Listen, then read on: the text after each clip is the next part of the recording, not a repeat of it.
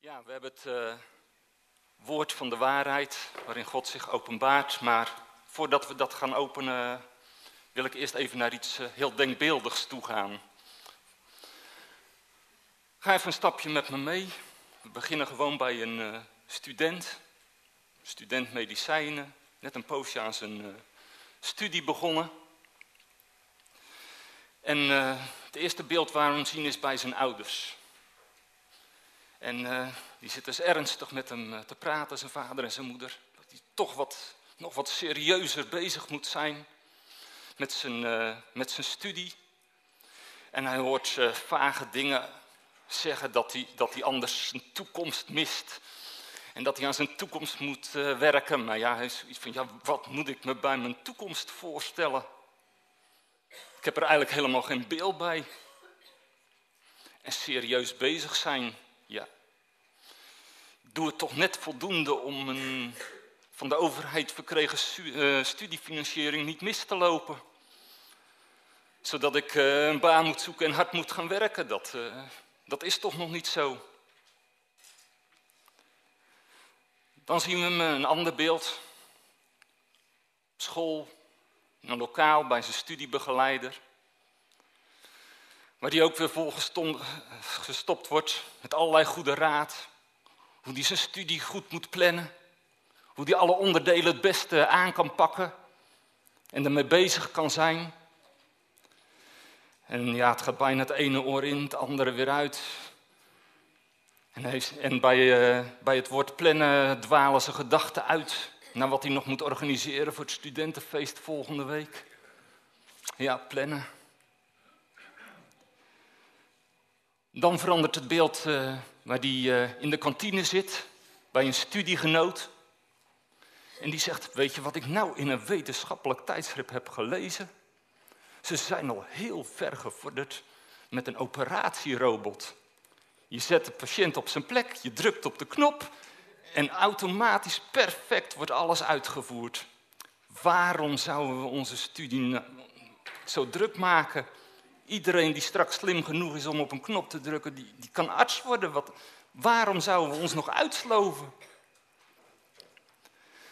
En als laatste beeld zien we hem op zijn eigen kamer zitten, al zeppend van zender naar zender op zijn tv.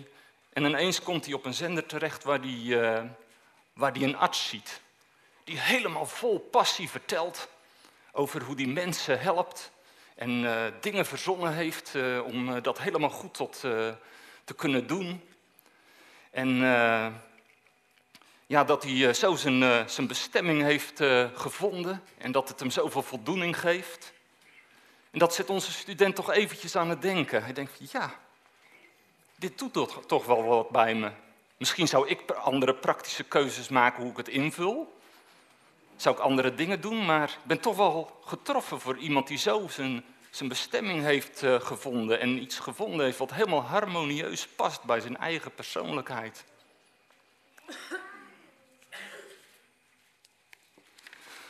Een denkbeeldig plaatje. Zullen we nog een keer helemaal doorlopen?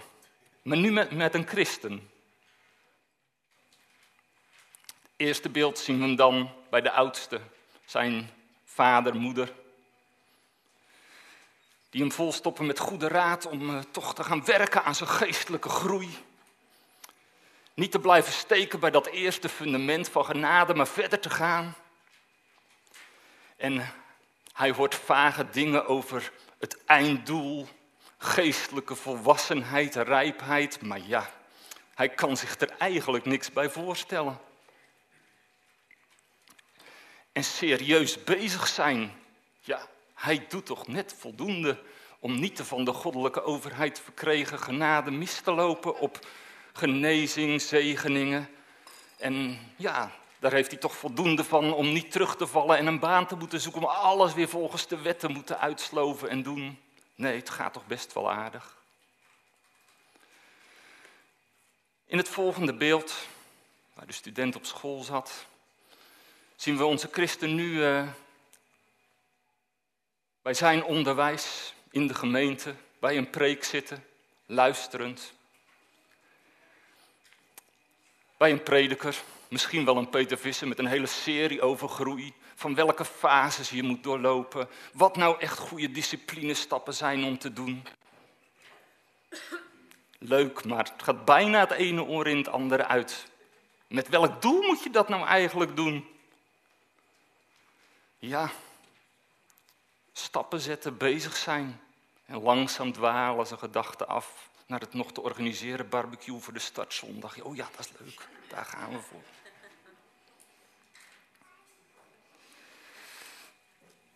Waar de student met zijn uh, studiegenoot zat, zien we nu onze christen uh, gezellig bij de koffie na de dienst, bij een medegelovige.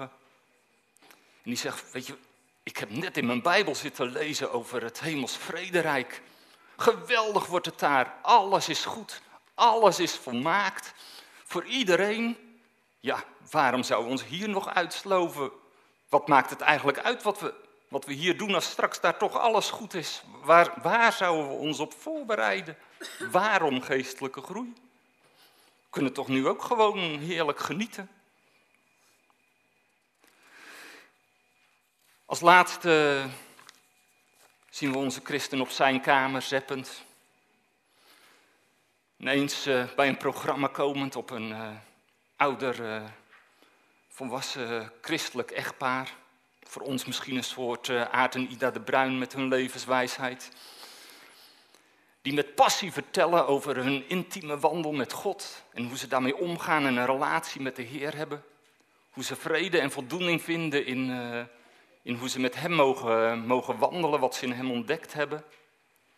Al beseffen ze daarbij dat ze ja, elke dag ook als discipel nog leren, maar ze hebben al heel veel gezien.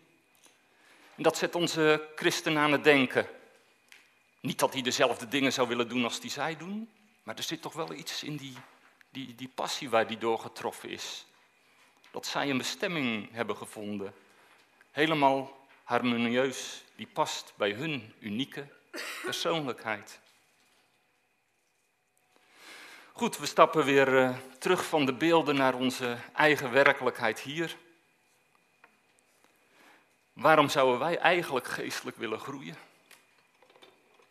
Wat is eigenlijk nou dat doel ervan? Waarom zijn we daar nou, besteden we daar zoveel aandacht aan? Waarom zijn we er nu zo mee bezig?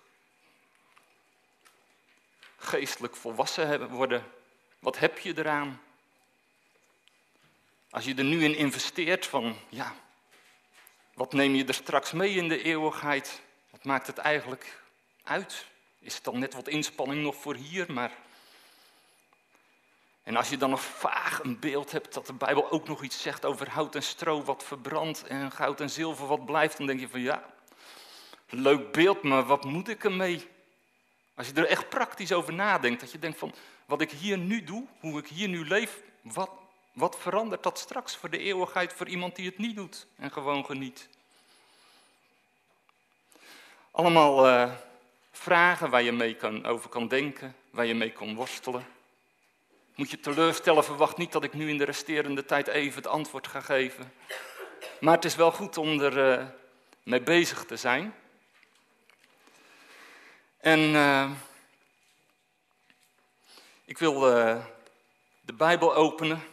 Want ja, als er toch ergens een plaats is waar we misschien toch ietsje ervan kunnen proeven, dan, dan moet het daar toch zijn. In uh, de afgelopen keren zijn we vooral met de Efezebrief bezig geweest, maar ik wil nu een stukje lezen uit de Colossensebrief. Colossense, hoofdstuk 1.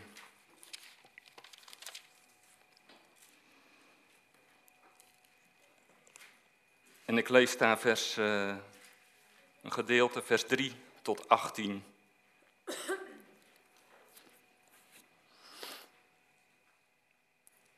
Wij danken God, de Vader van onze Heer Jezus Christus, te alle tijden bij ons bidden voor u.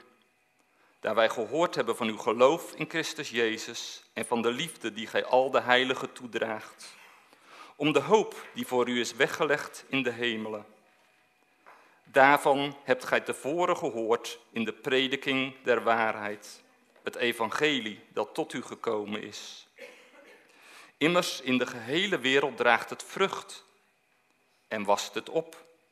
zoals ook bij u, sedert de dag dat gij het gehoord hebt en de genade Gods in waarheid hebt leren kennen.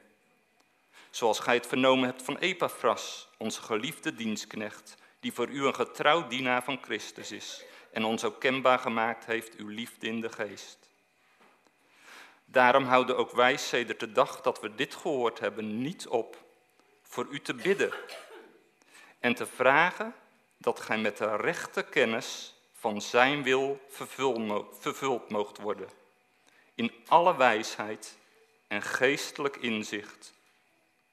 Om de Heere waardig te wandelen, hem in alles te behagen, in alle goed werk vrucht te dragen en op te wassen in de rechte kennis van God.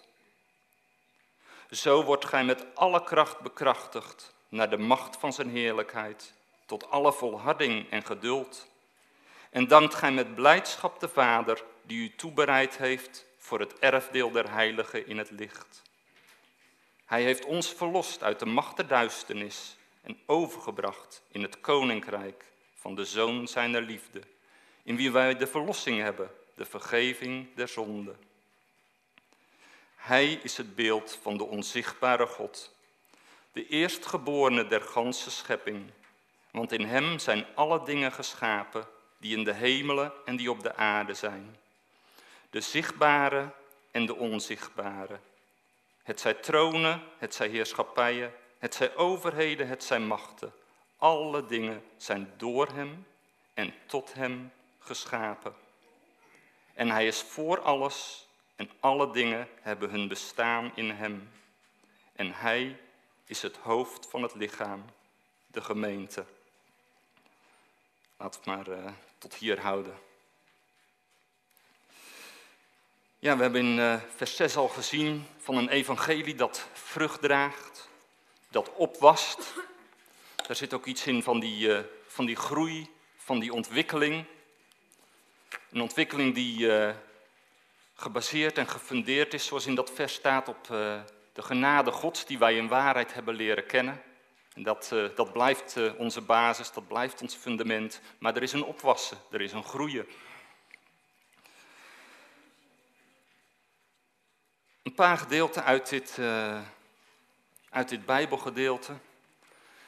In vers 16 hebben we gelezen dat alle dingen door Hem en tot Hem geschapen zijn. Ik denk dat het goed is om dat altijd toch weer te blijven beseffen, dat uh, God onze schepper is, die ons gemaakt heeft. Hij weet dus ook perfect hoe we in elkaar zitten, hoe we het beste tot ons recht komen. Zoals er ook staat, we zijn ook tot Hem geschapen. En uh, ja, hij, hij, weet ook het beste hoe wij uh, tot uitdrukking kunnen komen in overeenstemming met uh, zijn uh, scheppingsplan, ook ons individuele scheppingsplan. En wat we misschien ook zelf voor gedachten hebben.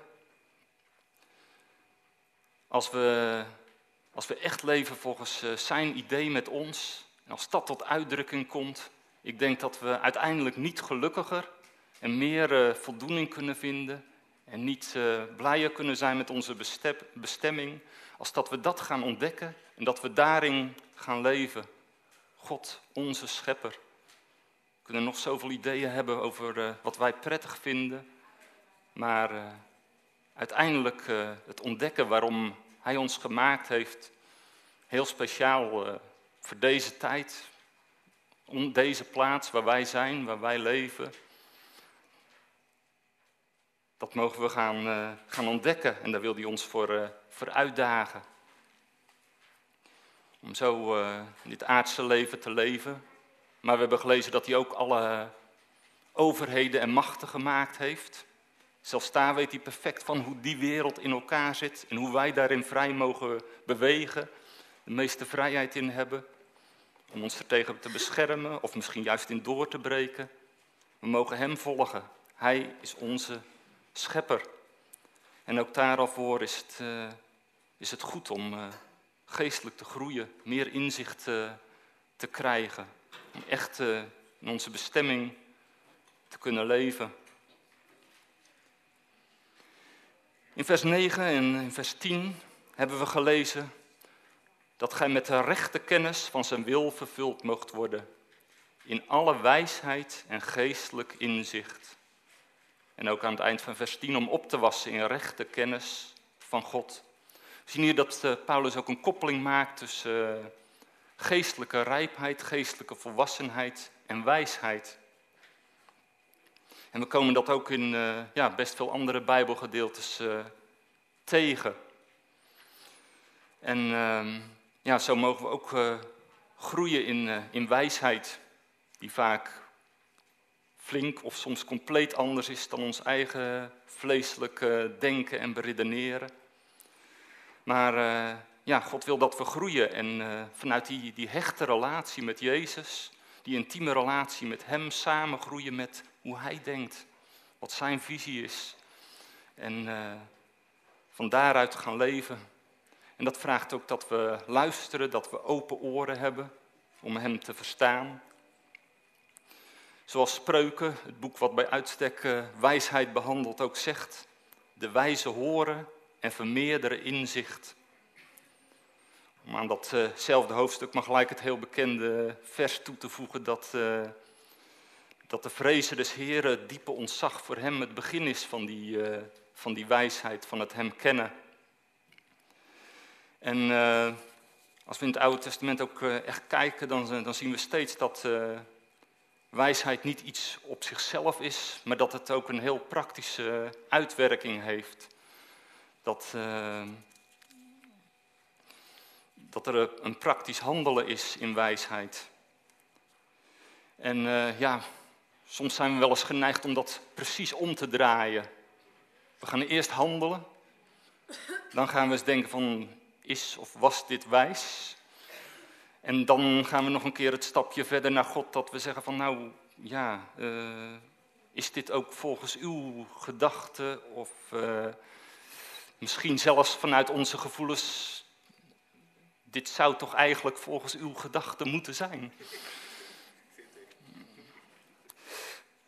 Maar God is de waarheid. In Hem is alle wijsheid.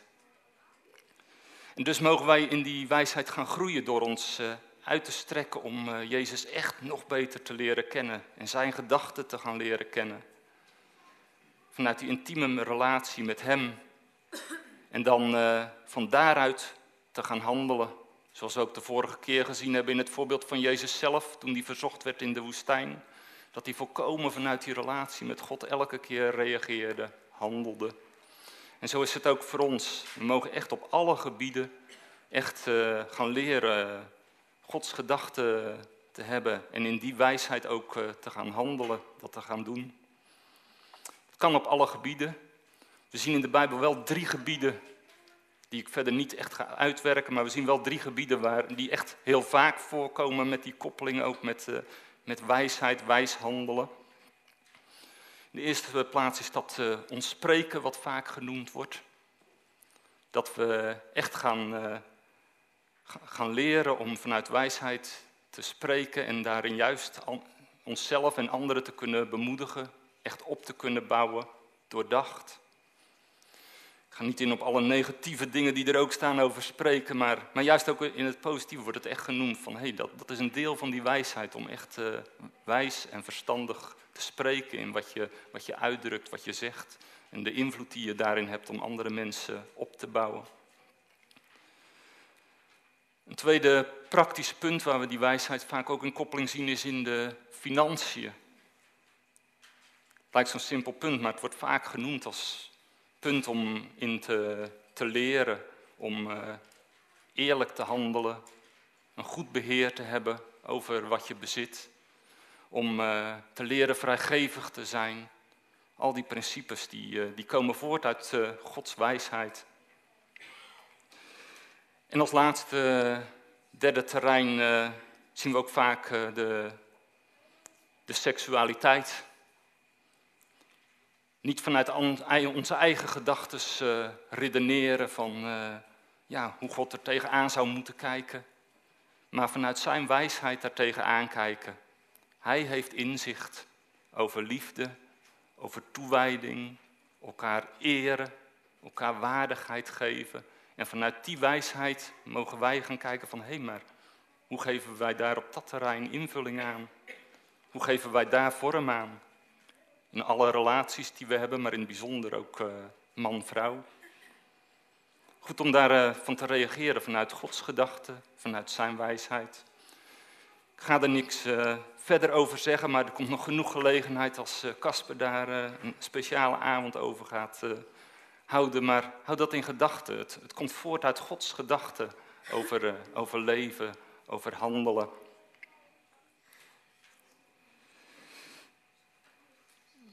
Ons handelen.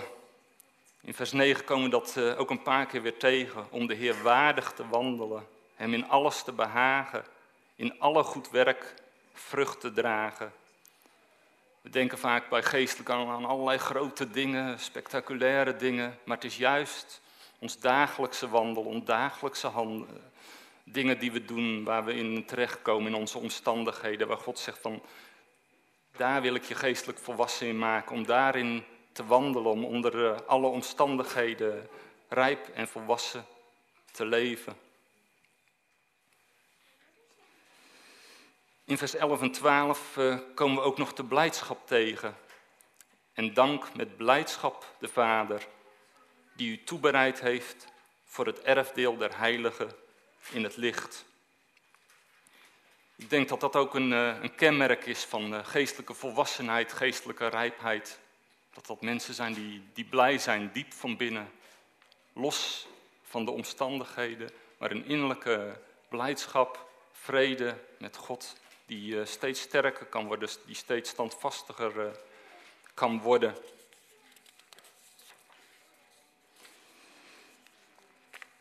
En zo mogen we groeien, zoals uh, vers 23 zegt, van blijf in het geloof gefundeerd en vast. De basis is er, is gelegd, hebben we allemaal ontvangen. Maar Paulus spoort echt aan van blijf daarin, houd dat vast, groei daarin. Dat gaat, uh, dat gaat niet vanzelf.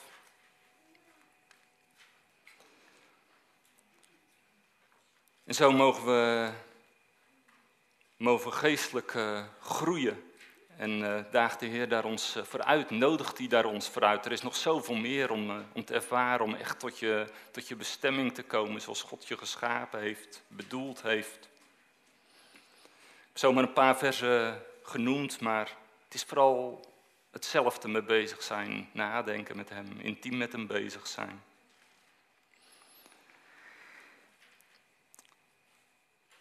Als laatste wil ik uh, afsluiten met gewoon een, ja, een beeld wat ik in de, in de voorbereiding zag. En dat was een, uh, een zwaluwstaartje. Ik weet niet of je hem kent. Zo'n pleister die in het midden heel dun wordt, zodat hij niet aan de wond kan hechten. En uh, die is speciaal bedoeld om, om diepe sneeën die, die moeilijk samengroeien, om die echt eh, bij elkaar te trekken met die twee uiteinden. En in dat smalle midden, zonder die, uh, aan die wond te hechten, houdt hij dat keurig bij elkaar. En als die er niet zou zijn, ja, dan blijft het zo'n brede snee die niet aan elkaar wil. Of waar allerlei wild vlees gaat ontstaan, waar het toch nog een beetje als uh, raar litteken uh, aan elkaar zit, maar het werkt niet echt. En uh, ja, op diezelfde manier uh, ervaar je het soms ook met die, uh, die spanning rondom genade. Aan de ene kant van die pleister voel je dat trekken van, ja, ik heb alles ontvangen in God. Het is volkomen volbracht. Ik hoef er helemaal niks meer aan te doen. Ik mag er helemaal vrij van genieten, gewoon in geloof aanvaard wie Hij is. Ik heb er deel aan, ik ben gestorven aan mezelf en Hij doet het heerlijk ontspannen. En aan de andere kant voel je die, uh, die pleister trek over wat God zegt over die, uh, die geestelijke groei. Om, uh, om dat geestelijke leven in overeenstemming te laten komen met je, met je ziel, met je lichaam, hoe je handelt. En ja, daar heeft het juist iets van, van actief bezig zijn, je daarnaar uitstrekken, daarin zoeken hoe dat, hoe dat werkt. En uh, het zijn twee uiteinden die volkomen bij elkaar horen, maar waar je van merkt, ja, in dat dunne bidden trekt dat toch soms aan elkaar. En dat merk je soms toch, eh, die spanning, ook als je soms gesprekken hoort, dan denk je van, ja, het voelt als een soort spanning aan. Aan de ene kant van, hoe kan je nu helemaal echt rusten in dat volmaakte werk? En aan de andere kant, hoe ga je daar dan op de goede manier actief mee om, om daarmee te zoeken, om het vorm te laten krijgen? Dat kan best wel eens uh, lastig zijn om met dat uh, spanningsveld uh, om te gaan. Maar het belangrijkste vind ik dat, dat het wel, ondanks dat het misschien wat spanning geeft, dat het eraan trekt, dat je merkt van het heeft wel een doel.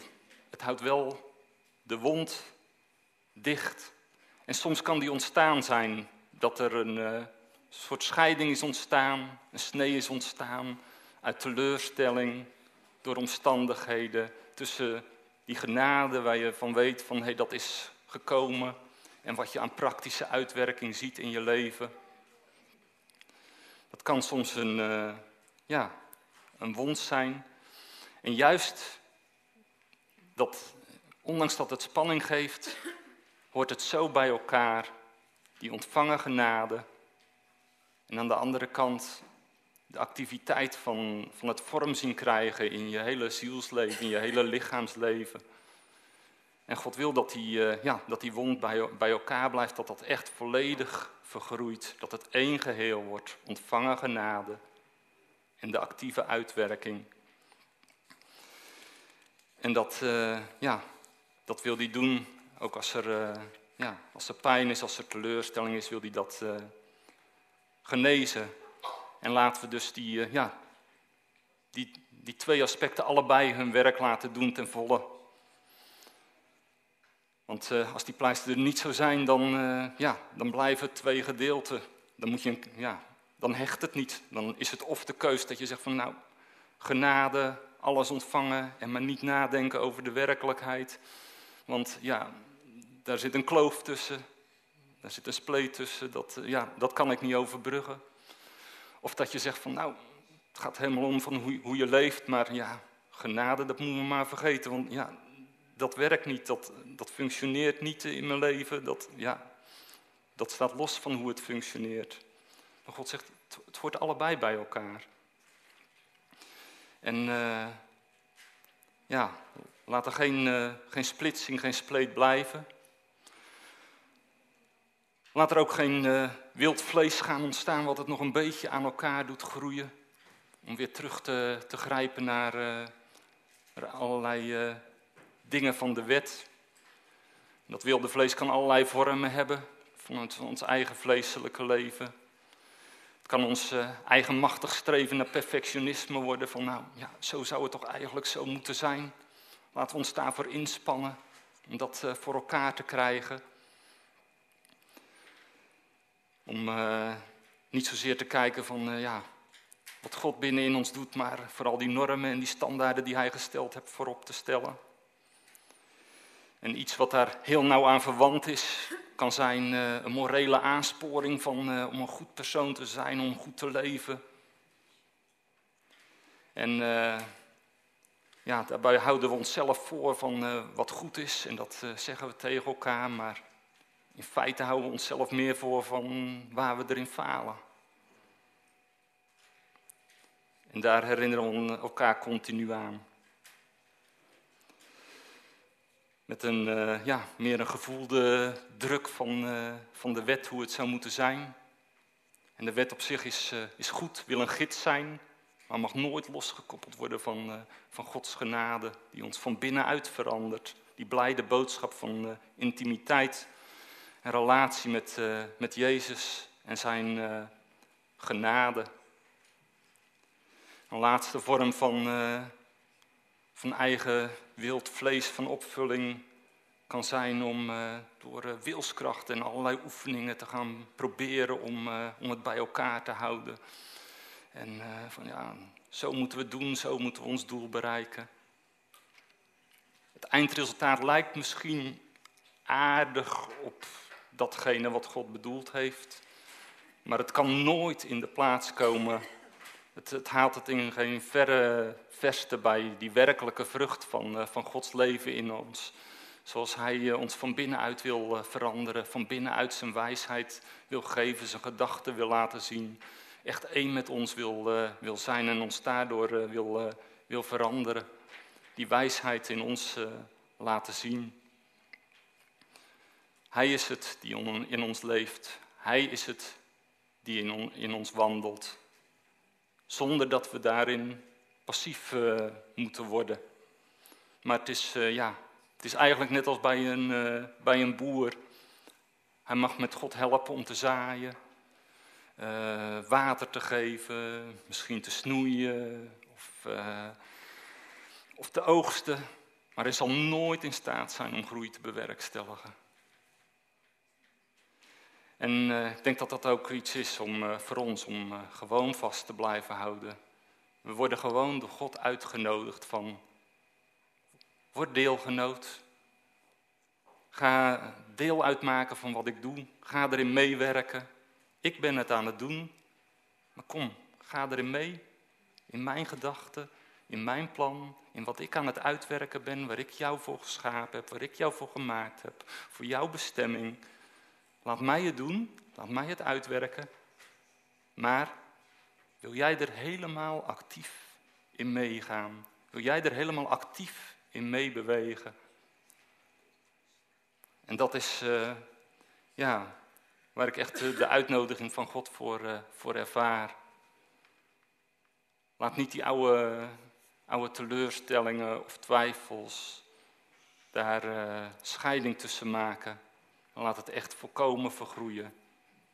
Die genade die we ontvangen hebben, helemaal, volkomen, totaal.